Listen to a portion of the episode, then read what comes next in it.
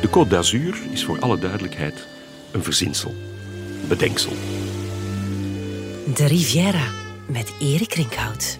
Er is lekker eten, er zijn citroenbomen in de straten. Een feerie onder stralende zon en azuurblauwe hemel. En er zijn natuurlijk de legendarische paleizen en legendarische bewoners. En je kijkt om je heen in het verschiet, naar de vallei, naar de zee, naar de bergen. Marseille, c'est un port. De zee was ongelooflijk blauw. Zoals men gewoonlijk alleen op prentbriefkaarten ziet. Een van de iconische plekken aan de Côte d'Azur is natuurlijk Monaco en Monte Carlo. We wandelen een heel stuk verder, want daar is een beroemde danseres om het leven gekomen. Isadora Duncan.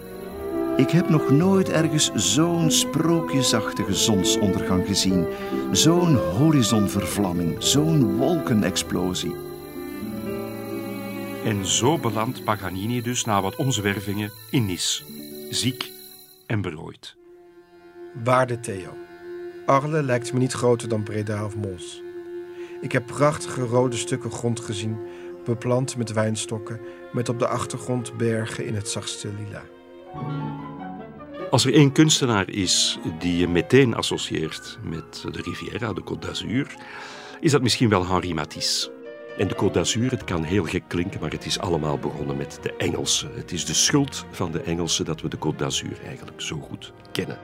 Pablo Picasso, Gertrude Stein, Ernest Hemingway, John Dos Passos en Dorothy Parker. En de trend is gezet. In 1931 verschijnt in Duitsland een heel bijzonder reisverslag over de Riviera. Een boek met de eenvoudige titel Das Buch van der Riviera. Van Erika krijgen we bijvoorbeeld het bijzonder reisadvies om in Marseille nooit naar de kapper te gaan.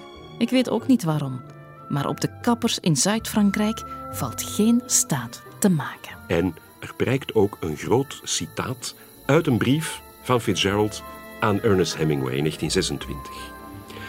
With our being back in a nice villa on my beloved Riviera between Nice and Cannes, I'm happier than I've been for years. De Riviera met Erik Rinkhout.